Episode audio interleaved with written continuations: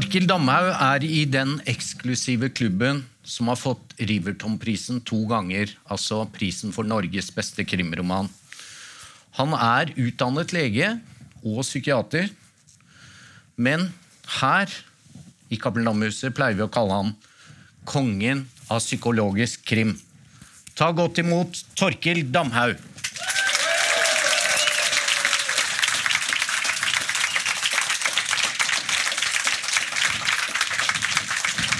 Velkommen. Tusen takk, Knut. Så koselig å se deg igjen. Vi har jo vært på bokhandelturné sammen. Vi har det. Ja. Når du sitter her med den røde og svarte boken din, da skjønner jeg at det er det alvor. Ja. For på de turneene er det mest moro, men nå Ja, her skal det ikke være noe moro. Nei. Du, um, du har jo gitt ut denne uh, boken i høst, 'Hund uten grav'. Ja, stemmer. Uh, kan du fortelle litt om den uten å røpe altfor mye av eh, avsløringen av handlingen? Det er eh, en bok eh, en, en viktig person i denne boken er eh, Gina Witt, som er eh, Hun har sitt eget aktualitetsmagasin i NRK. Hun er en, en type Hun er, en kjendis, feminist. Hun er den typen programleder som får deg til å slappe av og kjenne det som om du snakker med en god venn når du sitter, eh, blir intervjuet av henne. Jeg syns hun er litt sånn som blanding av Anne Lindmo og Fredrik Solvang. Ok. Alt. Her må man skille mellom hva jeg sier og hva Knut sier. Alt Jeg han, leser, og han skriver bare. Alt som har med injurier og sånn å gjøre, det får bare legge over på deg. Men det er i ett av disse aktualitetsmagasinene som, som de, de vekker jo veldig ofte oppsikt, og det blir mye snakk om dem, og ofte store overskrifter i mediene etterpå. I ett av dem så, så har hun invitert to unge mennesker. En ung kvinne som har eh, anmeldt et overgrep, og den unge mannen som er blitt anklaget for det. Og dette, dette programmet det får svært alvorlige konsekvenser. Det skjer noe i ettertid som, som er svært tragisk og oppsiktsvekkende. Og etter det så ser man at på de mørke krokene på nettet så fremsettes det svært alvorlige trusler mot Gina Witt, denne TV-programlederen. Og ikke så lenge etter det igjen så blir hun funnet drept i sitt barndomshjem.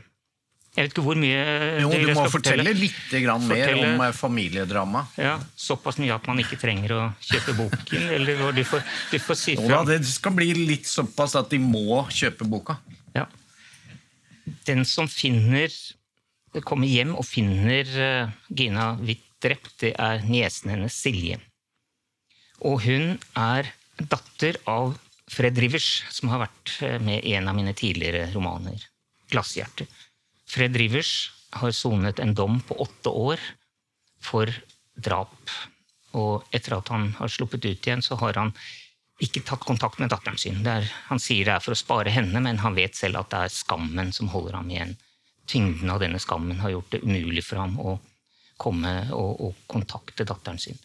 Men dette drapet det setter i gang noe som gjør Han, er nemlig redd for at hun også kan bli være utsatt for trusler og være i fare. Så han, da må han bryte igjennom denne eh, tunge skammen og prøve å nærme seg henne som han ikke har sett på, på mange år. Og så er det en tredje person, Leon, lillebroren til Silje, syvåringen. Han har også sett noe, men den på drapsdagen. Men det er for skremmende og for forvirrende til at han kan snakke om det. Han må holde for seg selv. Og denne Fred Rivers, han eh, var og er eh, Eller han var advokat, men nå jobber han som jurist, ikke sant? Ja, Som en slags konsulent og rådgiver hos en i i Ja. firma til en, en venn som har gitt ham den muligheten. Da.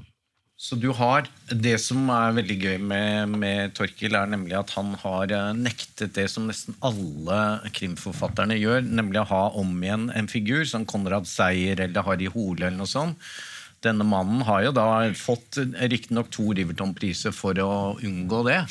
Men, eh, men så har vi i forlaget som tenker på salg, sagt kan du ikke være så snill å ha en seriefigur. Og da, nå føler jeg at du er litt grann på vei ved at du har brukt Fred Rivers om igjen. Ja, det, jeg vet jo at du har revet deg i håret og ringt meg tidlig og sent for å liksom få nå, nå har du endelig denne seriefiguren som, eh, som du da mente allerede da du leste 'Glasshjerte' for fem-seks år siden. Og, og du var jo ganske forbanna på meg når han ikke dukket opp i neste bok. Du må innrømme det. Det gikk en stund da du ikke engang ville invitere meg på lunsj. Og, øh, men øh, så Og det dreier seg noe om hva er det for å skrive Du skal leve sammen med karakterene dine i to-tre år. Denne boken har jeg brukt tre år på å skrive. Det må være noe viktig øh, ved dem. Det må være noe de vil deg, som er nok til at du skal leve med dem da, i de årene det, tar å skrive en bok. Og nå var det, hva var det ved Fred Rivers som gjorde at han måtte komme inn i en ny historie? Jo, det var nettopp forholdet til datteren. Denne skammen og dette som, som det lå et lite anslag på i Glasshjertet. Men forholdet hans til datteren, det var det som gjorde at han, at han måtte dukke opp på nytt. Hva, det? hva, er det med dette, og det, hvilke muligheter i livet for en som har vært helt nede, som har sonet en dom, som på en måte har vært helt på bånn av livet sitt, nesten resignert. Hvilke muligheter er det for å komme opp igjen? Jo, det er jo f.eks. som for ham kjærligheten til, til, denne datteren. Å kunne våge å nærme seg igjen, som gir ham en mulighet på nytt i livet. Så det var det jeg grep fatt i. Men om han blir en seriefigur, det vet jeg ikke. Det spørs hvor mye du plager meg videre, ja. Knut. Ja, du har gjort det litt vanskelig på slutten her. Skal ikke røpe altfor mye der, men eh, det er litt utfordrende. Ja, da, du... da, rev du deg i håret igjen og tok kontakt. Dette her, denne slutten finner jeg meg ikke i, skriver du til meg, eller sier du til meg. Ja. Så... Men eh, det er ofte at forfatterne ikke gjør som eh, vi vil. Men som jeg introduserte deg som, så er du jo også psykiater. og det som er fascinerende med, med, med forbrytelser, ikke minst drap, er, er det ondskap eller er det tilfeldigheter? Hva tenker du rundt uh, dine figurer, ikke minst i denne boken? Det å skrive krim er jo en mulighet til å sirkle inn og utforske akkurat det med, med ondskapen. Og det er mange, eh, Ondskapen har mange ansikter og har mange former. Og, og hvis man tenker seg sånn løst uh, avklare hva det er, at ondskap er det som skjer når du påfører et annet menneske smerte, og vet at det er det du gjør. At du gjør det med en hensikt. Så, så nærmer vi oss kanskje et, iallfall begynner å nærme oss et begrep om hva det er. Og i krimlitteraturen så du, har du jo mulighet, i og med at det dreier seg om alvorlige forbrytelser og, og gjerne drap, til å, til å, undersøke ulike former for ondskap. Hva er det som gjør at et menneske kan handle på den måten mot et annet? Uh, alt fra at man mister hodet, eller at man har en slags form for lidenskap, altså sjalusi f.eks., som gjør at man, man gjør ting som, som, er katastrofalt for andre, til den klassiske ondskapen som man, man ofte tenker på som den ondeste av all ondskap, hvor du, hvor du, har en form for tilfredsstillelse ved å påføre andre ondt. Så, så, alle de formene dukker jo opp på en eller annen måte, og, og noe av det som jeg mener holder krimlitteraturen levende og relevant, er jo nettopp at du har mulighet til å kaste lys over dette. Da. Hva er det som gjør at mennesker gjør de aller verste ting mot hverandre? Samtidig så er det jo sånn at krimsjangeren handler jo også om at vi alle sammen liker å prøve å finne spor og prøve å finne ut hva har skjedd ofte. Og jeg har lest i et intervju at du også da har tilfredsstillelsen av å legge ut falske spor. Ja, tenk det, du. Hva kommer det av? Nei, det er, det er, jo noe med altså, Krimsjangeren er jo veldig mye og veldig sammensatt og veldig bred. og Det ser man jo alt, altså hvor ulike forfattere og ulike bøker som, som kommer inn i det. Så apropos, nå, nå, dukker det opp en kjepphest her snart med hvor at, at krimsjangeren nå blir på en måte litt sånn satt på siden av bare fordi det er krim. Det er jo egentlig et håpløst utgangspunkt. For det er veldig mye spennende litteratur som beveger seg innenfor dette store feltet. Eh, det er eh, jo også da en mulighet for å kunne vi, har jo en nysgjerrighet i oss, og det må løse gåter, og det må være med underveis som leser og prøve å finne ut hva som, som skjedde. Det appellerer til, til, noe i oss som, som, som, jeg liker som leser, og som jeg syns er, er spennende å gjøre som forfatter. Også legge ut noen spor og få noen til å tenke at her kan det ligge noe, her kan hunden ligge begravet, men så var det ikke der likevel.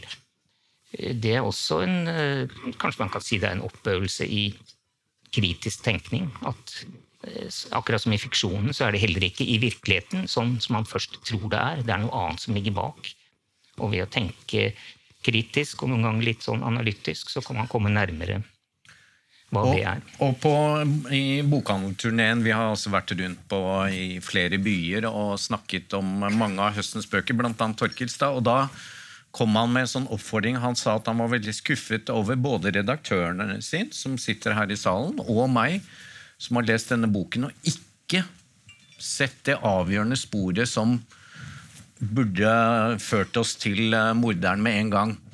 Fortell litt om Ja, det. Ja, På et tidspunkt så bestemte jeg meg for å legge ut et sånt spor. Da, og, og nå har jeg gjort det i, i, i dypt inni denne teksten. Så ligger det noe som med så å si 100% sikkerhet kan fortelle deg hvem eh, gjerningspersonen er. Da foreslo jeg for Knut at når vi reiste rundt, så kunne vi da legge ut en dusør. For hvis det var noen som fant dette sporet, at de kunne sende en mail til Cappelen Dam og få Jeg foreslo 300 000 kroner. Og, og Knut, Jeg foreslo 300 kroner, var det ja, ikke det? ja, altså, vi var enige om 300 000 og vi hadde en litt hyggelig kveld sammen og, og hadde åpnet en flaske vin eller to, men morgenen etter ved frokosten så var det plutselig bare 300 kroner tilbake. Men, men uansett, det viktigste her var at vi, vi skulle prøve å pirre de leserne da, til å kunne finne akkurat dette sporet her. Og foreløpig så har jeg ikke sett noen, så nå er vel du søren.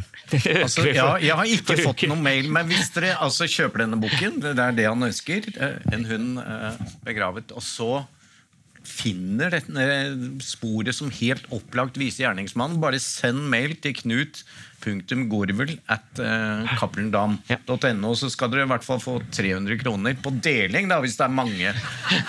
Så kan dere få- forhandle om de nullene som kommer etter 300, sikkert. Men, men uansett så er det vel snart sånn at du må gi opp og fortelle deg det, Knut. Men kanskje ikke akkurat her på scenen hva dette sporet er. Nei. Eh, Men eh, du er også eh, Cappelen Dam har en krimforfatterskole. Og der er jo du hovedlærer. Og altså, hva er det som fascinerer deg sånn at du ønsker å bringe dette videre til nye forfatterspirer? Nå er det, nå er det vel noen 6-27 år siden første gang jeg ga ut en bok, og før det hadde jeg jobbet noen år med denne romanen. og det er klart at Gjennom de årene så, så lærer, har jeg lært meg en god del om skrivehåndverket. Så, ikke minst ved å gjøre feil hele tiden, og gå og prøve mer enn det jeg har kunnet gjøre. og måtte finne nye veier og, og eh, finne mer realistisk eh, inngangsport til det jeg vil fortelle. Så prøvingen og feilingen øh, har, har da satt seg igjen som en sånn følelse av at jeg kan det håndverksmessig bedre, uten at det nødvendigvis blir bedre bøker av den grunn. Det, men det kjennes som en veldig sånn tilfredsstillelse nå å kunne gi noe av det videre til, til folk som er tidlig i sine forfatterkarrierer. Hva er det du kan gjøre for å få sette sammen dette manuset bedre, eller disse tekstene bedre? Både eh, bygge opp en roman, som på det store planet, eller med teksten din. Hvordan kan du uttrykke deg bedre for å få frem det du egentlig vil si? Så det kjennes veldig ålreit sånn etter en eh, ganske lang forfatterkarriere å kunne gi noe av det videre. Da. Og det har jo brakt frukter, så det er mange av disse elevene til Torkil som da har debutert nei, som krimforfattere, og vi kommer tilbake til en litt senere. Men i et intervju så så jeg du, og så tenkte jeg det kanskje underviser du om også, noe du kalte Pinocchio-faktoren. Fortell hva det er. Det er det hva skal vi si, I våre dager så er det jo populært å ser en TV-program, og sånn, så er det snakk om noe som er magisk. og, og La oss kalle det mirakuløst. Det som skjer når du åpner en bok, og der er det noen tilfeldige skrifttegn spredd utover på sidene. Men når du begynner å lese, så levendegjør det noe i deg. Du, karakterer som du ser for deg, som du lever med mens du leser boken. Noen av de kan jo bli virkeligere enn de du treffer ellers i livet. Det er på en måte noe som en kan kalle mirakuløst. Og jeg kaller det Pinocchio-faktoren, for det er det som du lager som en karakter som da blir levende på den måten. Det er ikke lett å vite akkurat hva som skal til for det. Man kan tenke seg et plott, så man kan ha mange gode regler for hvordan du bør bygge opp et plott. Men når det gjelder å levendegjøre karakterer, så er det en, en sånn X-faktor der som, som enten funker det, eller så funker det ikke. Det er det jeg kaller Pinocchio-faktoren, eller ja. Er det Føler du at eh, det er psykiateren i deg som får fram eh, det beste i karakterene, for å si det sånn? Er det Eller det verste. ja. Ja, det, så jeg bruker jo aldri noe, det gjentar jeg jo hver gang jeg blir spurt om det, at jeg bruker aldri noe fra min eh, tid som, som lege og psykiater. Det har jo noe med tillit til tidligere pasienter å gjøre. og Kanskje kommende pasienter også, for den saks skyld. Det, det jeg har nytte av, er jo det, det du må gjøre hvis du er lege, og ikke minst når du jobber med psykoterapi. Hvis du skal kunne gjøre noe for et annet menneske, så må du kunne sette deg inn i hvordan det andre mennesket har det. Hvordan dette livet er, som er annerledes enn ditt eget. Så du må bruke empati, eh, som, som, vi bruker hele tiden i livet for at samfunnet skal kunne fungere. I, i psykoterapi så må du bruke det på en mer systematisk måte enn, enn i, i dagliglivet. Eh, og det har jeg gjort over mange år. Og den treningen tror jeg nok jeg har nytte av. For det er det du også gjør når du skriver, skriver frem karakterer i historiene dine.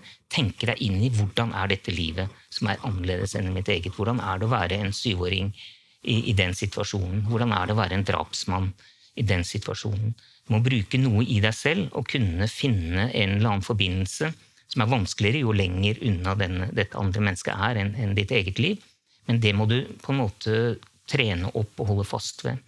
Så, så der er det en parallell til det å jobbe som psykoterapeut, iallfall. Og, og egentlig lege også. Eh, og det å skrive frem karakterromanen. Så har du jo um, i, i, denne boken Jeg har ikke lagt merke til det før du har kanskje gjort det, men i tillegg til at du har en uh, litt artig tittel, så har du tre deltitler. Blant annet uh, den siste heter 'Landet som ikke er', og så er det første het vel 'Gutten uten ansikt'. Og den uh, mellomste, hva var det? Ritt over, over Bodensjøen. Ja. Ritt over Bodensjøen. Hvor, hvorfor, uh, hvor har du disse tingene fra? Ja, det, det er ofte så er det andre tekster, annen litteratur som inspirerer meg enten når jeg setter i gang eller underveis i skrivingen. Og flere av bøkene mine har jo titler som henspiller på, på andre verk. altså 'Flykt måne', min første bok, har noe med et dikt av Lorca å gjøre. Og 'Syk rose' med et dikt av William Blake, osv. Eh, 'Landet som ikke er', det er jo et dikt av Edith Sødegran. Og, og, det har jeg brukt inn. Og det er også en, en, et musikkstykke som er spilt inn din gode venn Kjetil Bjørnstad har satt musikk til det. Og, og Lill Lindfors. Og en av personene nynner på Ja, og derfor bruker jeg det sangen. Altså, det er en mor som har brukt dette som en, som en slags vuggesang om kvelden for, for barnet sitt. Så, så, da blir det et motiv som går igjen. Samtidig som, som, noe av det spenningen som ligger i det diktet, kan spille med i min tekst. Altså landet som ikke er. Hva er det? Ritt over Bodensjøen eh, henspeiler på en, en et gammelt sagn fra Sør-Tyskland med en, en, ritter som skal over Bodensjøen, og det er sent på vinteren. Og det er isen har begynt å bli veldig råtten og dårlig. Han rir gjennom tåke om kvelden og utover natten, og han skal over til den andre siden, for det haster. Og så tar han feil.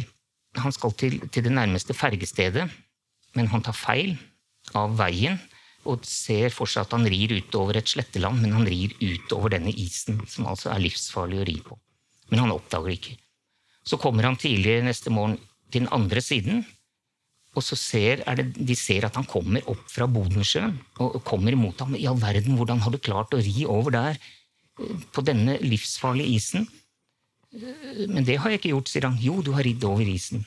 Idet han skjønner at det er det han faktisk har gjort, så faller han, faller han, om og dør av angst. Av den angsten som han da har på en måte ikke visst om.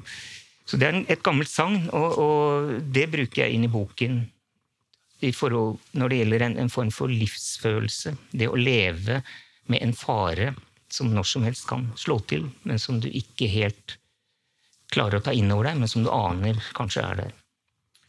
Vi pleier alltid helt sånn avslutningsvis å bønnfalle om eh, en ny bok. Eh, I hvert fall fra salg- og markedssiden. Men hva, hva, tenker du nå? Hva jobber du med? Jeg avbrøt jo dette arbeidet her en, en stund. Uh, hun uten grav. Fordi jeg trengte en, en, en, liten pause. Og da begynte jeg å skrive på noe annet. Først bare en, en ukes tid. tenkte jeg og så ble det to uker og tre uker og to måneder og fire måneder og et halvt år. Helt til jeg skjønte at uh, Cappelen Dam-torpedoene begynte å røre på seg. og kom, For jeg hadde nemlig fått et forskudd som jeg hadde brukt opp for lengst. Så jeg skjønte at nå måtte jeg jo skrive ferdig da, dette her før det ble skummelt. Så, men, så da har jeg skrevet et råmanus som ikke er en krim, men som, som ligger der, og som jeg har en stor altså, forventning til. Jeg gleder meg til å kunne gå inn i det. Det er ting som ligger kanskje på sett og vis nærmere mitt eget liv, sånn konkret. Altså, Arbeidstittelen var Paris 1980. Øh, så får vi se. For der eh, var du som ung og hadde drømmer om å bli forfatter og spilte ja. fløyte på gata. Gjorde du ikke det for å få jo. penger? Jo da, jeg, det stemmer. Jeg var i Paris i 1980. Jeg var der et par år. Jeg hadde skrevet noen manus eh, på den 18-20-årsalderen som som var så geniale at jeg visste ikke helt om jeg turte å sende dem inn til forlagene. Og da de ble refusert, så så jeg på det som den største skandalen i norsk litteratur. Men i ettertid så var det vel kanskje bra at ikke de kom ut. Men jeg, meg, men jeg fikk mye oppmuntring da, fra disse forlagene. altså send, Jobber du videre med det, og så kom tilbake med det. Vi, vi er interessert. Så jeg tok meg det, det manuset jeg jobbet med, og dro til Paris for å bli forfatter. Haiket til Paris. Da hadde jeg bare én klar tanke, og det var at eh, denne romanen skulle jeg skrive ferdig. Og den skulle endre litteraturhistorien. Ja. ler, ler du av meg? Nei da. Ler av den unge deg. Ler av den unge meg, og sånne ambisjoner kan man jo koste på seg når man er 18 eh, og 20 år. Nå ble det aldri skrevet ferdig, dette manuset, da. Men jeg var et par år i Paris og satt på kafeer og skrev. og og, og, spilte litt i metroen sånn for å ha litt penger til mat og så videre. Så det var ekte bohemliv. Og vi eh, bruker ofte dette til eh, når krimforfatterskolen begynner. Så tok det altså 14 år før du debuterte. eller noe sånt. Bruke det som et eksempel. Men det vi drømmer om, alle dine lesere, er at det blir mye mer psykologiske thrillere. Og at vi får lese denne Paris-romanen. I Torkil Damhaug en kjempeapplaus. Tusen takk. Boktips, en podkast fra Cappelen Dam.